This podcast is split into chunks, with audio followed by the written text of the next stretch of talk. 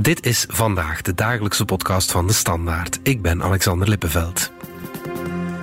We zijn er met DS vandaag een weekje tussenuit, maar we laten je natuurlijk niet achter zonder podcast. We hebben een paar van de interessantste stukken uit ons weekblad geselecteerd en die laten we deze week graag aan je horen.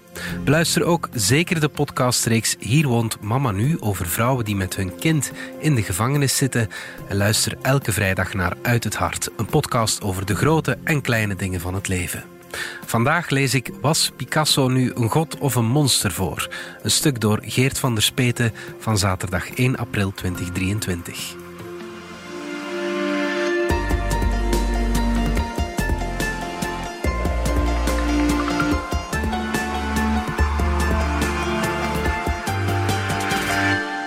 Pablo Picasso wordt dit jaar uitgebreid gevierd. Kanttekeningen bij zijn vrouw om vriendelijkheid en toe-eigening van Afrikaanse kunst horen er deze keer bij. Hij moet niet zo nodig van de sokkel, maar geef hem een nieuwe. Als Picasso niet 50 jaar geleden overleden was, maar nu geleefd had, welke kunst zou hij dan maken? Hij zocht de ultieme vrijheid op. Dat vond Anne Baldassari, een van de vorige directeurs van Musée Picasso in Parijs. Dus misschien zou hij vandaag wel street art maken. De Britse modeontwerper Paul Smith sluit zich daarbij aan. Picasso was speels als een kind en nieuwsgierig naar alles, zei Smith vorige maand bij de opening van de tentoonstelling La collection prend des couleurs in het Picasso Museum. Wildplakken had hij geweldig gevonden. Dat brengt echt de kunst naar de straat, zegt Smith. Sir Paul Smith, een man van 76 intussen, kreeg carte blanche om de museumcollectie een nieuw tintje te geven. Dat deed hij door kleur en een dosis kitsch toe te voegen. De saaie witte muren liet hij verdwijnen om Picasso's sleutelwerken onder te dompelen in grappige installaties en felle achtergronden. Eén zaal kreeg een woud van oude tentoonstellingsaffiches als decor. Zie daar de link die Smith legt met de wildplakker in Picasso. Smith werd in Parijs binnengehaald om de geniale durf al die Picasso was in een nieuw licht te plaatsen. Zijn bijdrage moet jongere bezoekers aanspreken door klassieke kunst met popcultuur te mixen. Er is nog werk aan de winkel. Millennials halen doorgaans de schouders op bij de naam Picasso, ook als ze een kunstrichting studeren of zelf kunstenaar willen worden. Dat constateert Johan Pas, directeur van de Koninklijke Academie voor Schone Kunsten in Antwerpen. De klassieke kanon is voor kunststudenten niet meer evident, zegt hij. Ik merk dat ze minder in hiërarchische structuren denken. De opgelegde eikpunten, dat wat je gelezen of gezien moet hebben, pikken ze niet meer. Kunst uit het verleden delen ze op in wat nuttig is voor hen en wat niet. Picasso zit meer in de hoek van dat laatste. Met La Collection Prend des Couleurs geeft Parijs het officiële startschot van een Picasso-jaar. Het is 50 jaar geleden dat de kunstenaar overleed aan een longinfectie op 91-jarige leeftijd. En dat wordt vooral in Spanje en Frankrijk uitgebreid herdacht. Aandacht gaat onder meer naar zijn grote voorbeelden, zoals El Greco in het Prado in Madrid, naar één periode die van Fontainebleau in het MoMA in New York naar zijn beschermvrouw Gertrude Stein in het Musée du Luxembourg in Parijs of naar zijn allerlaatste vitalistische werken in de Fondation BLR in Basel. Als voorsmaakje van de Picasso Celebration 1973 tot 2023 was er al een Brusselsluik over zijn link met de abstracte kunst. Nu mag je zowat elk jaar wel een Picasso-jaar noemen. Picasso en de sculptuur, Picasso en de fotografie, Picasso en het theater. Picasso in blauw en roze, Picasso en de zon van het zuiden. Zelfs Picasso en de keuken. Geen facet van zijn reusachtige oeuvre bleef onderbelicht. Om geld in het laadje te krijgen voor de renovatie van het historische gebouw in Le Marais stuurde het Musée Picasso Paris tijdens de sluiting tussen 2009 en 2014 ook Gul zijn mooiste collectiestukken de wereld rond. Dat heeft de overkill meegevoed. Intussen zijn we vanuit de 21ste eeuwse blik ook anders gaan kijken naar het oeuvre van Picasso. Zijn temperament en artistieke aanpak botsen met gevoeligheden en thema's die vandaag de tijdsgeest bepalen. Zo zijn we ons vragen gaan stellen bij de manier waarop hij en enkele tijdgenoten in zijn zog zich aan het begin van de 20ste eeuw Afrikaanse kunst toe-eigenden. De expo Picasso Primitief in 2017 in Parijs liet zien dat hij mateloos gefascineerd was door de magie en de betekenissen die uit etnische objecten ontstonden. In hun typische vervorming en uitvergroting zag hij een geknipt instrument om zijn kunst te intensiveren. Maar evengoed weten we dat hij niet geïnteresseerd was in niet-westerse beschavingen en dat hij nooit één voet op het Afrikaanse continent heeft gezet. Picasso omringde zich met maskers en totems zonder veel kennis van zaken. Hij zag ze als primitieve exotische objecten. De tentoonstelling liep in een boog om cruciale vragen heen. Op welke manier heeft hij de Afrikaanse kunst gekaapt, misschien zelfs misbruikt? Hoe heeft hij ze binnengehaald in een westers discours dat mee de moderne kunst vorm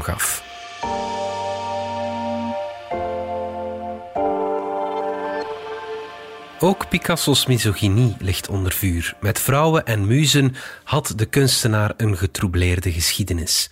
Picasso was polyamoureus. Steeds vaker wordt hij in biografische schetsen weggezet als een dwangmatige verleider met perverse en destructieve trekjes, als een vrouwenhater zelfs. In de nasleep van MeToo werd de discussie nog verscherpt, al doken de snerende quotes waarop de kunstenaar nu wordt afgerekend al veel eerder op. Dat hij vrouwen onderbracht in twee categorieën, godinnen en deurmatten. Of het haast monsterlijke beeld dat zijn kleindochter Marina liet optekenen in haar boek Picasso, My Grandfather uit 2001. Dat hij zich van vrouwen ontdeed nadat hij ze had onderworpen aan zijn dierlijke seksualiteit, ze had getemd, betoverd, ingeslikt en verpletterd tot canvas.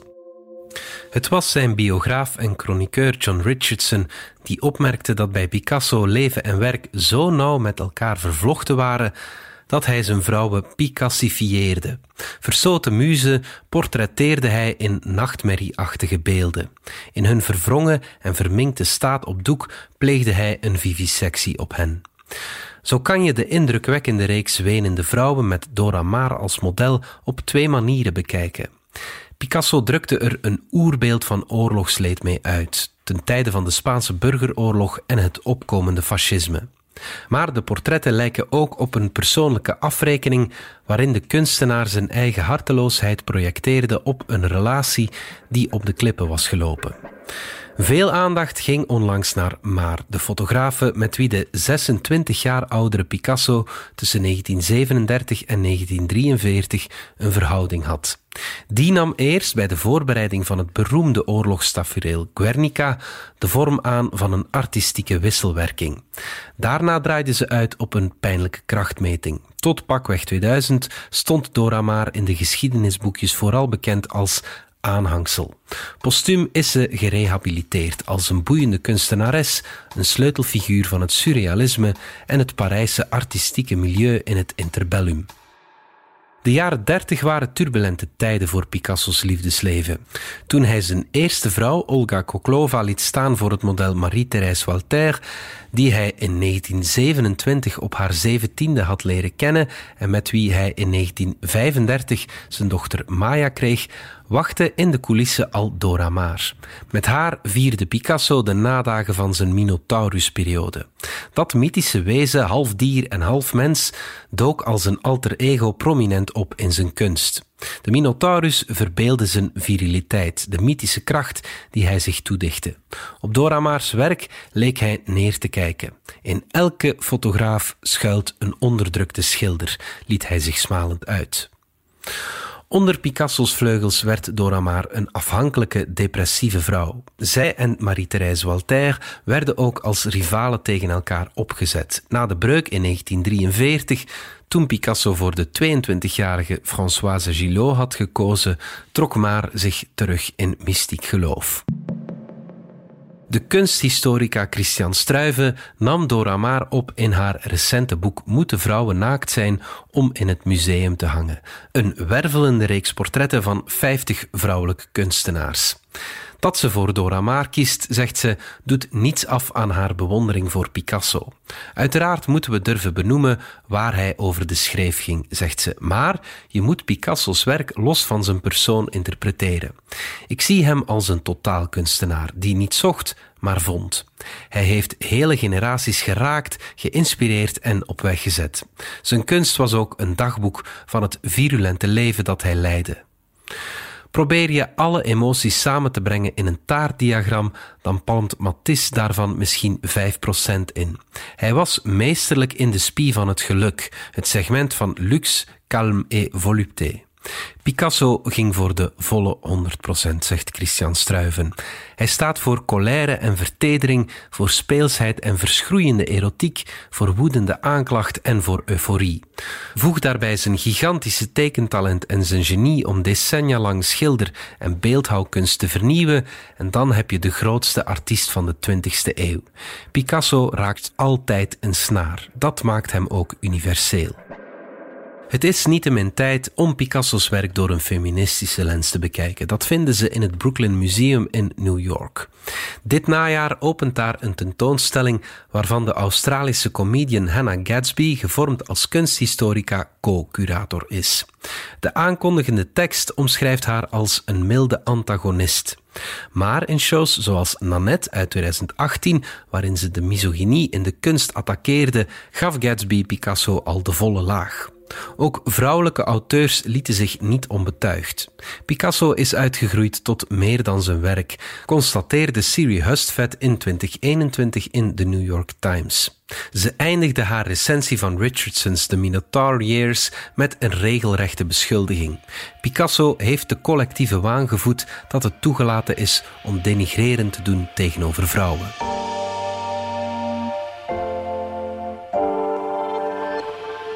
In juni 2021 demonstreerde een groep kunststudenten samen met hun docenten op de trappen van het Picasso Museum in Barcelona. Ze eisten dat er bordjes bij de werken zouden komen die de context verhelderen. Directeur Emmanuel Guigon stond hen vriendelijk te woord. Hij suggereerde dat het zinvoller zou zijn om het debat te voeren in lezingen en tentoonstellingen. Hoe moeten we de man en zijn kunst dan beoordelen? Het hangt volgens Johan Pas af van welk perspectief je kiest. Zien we in hem een god of een monster, zegt Pas. Je kunt er niet omheen dat Picasso een referentiefiguur is.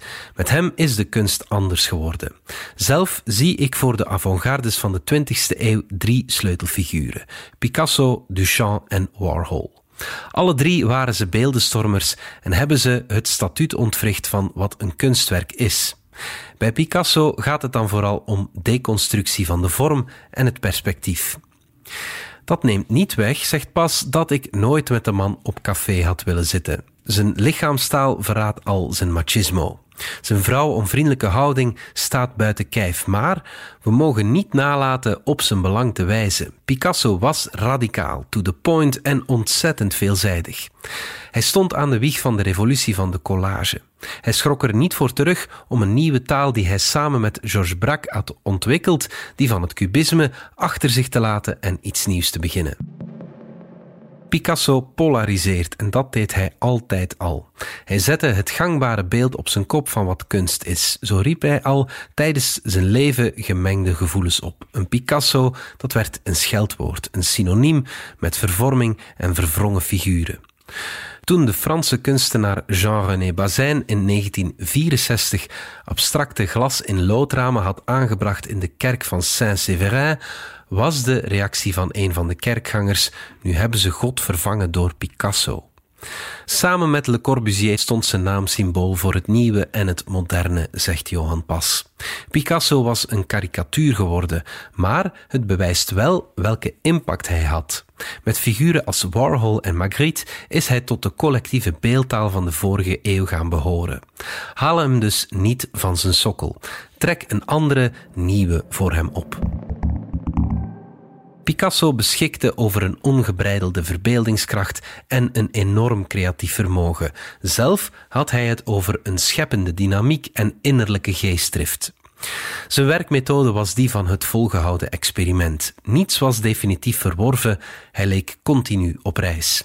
Hij maakte aan de lopende band schetsen, voorstudies, fasen en grafische staten, als een stroom van reflectie over een bepaald thema of ter voorbereiding van een groter werk.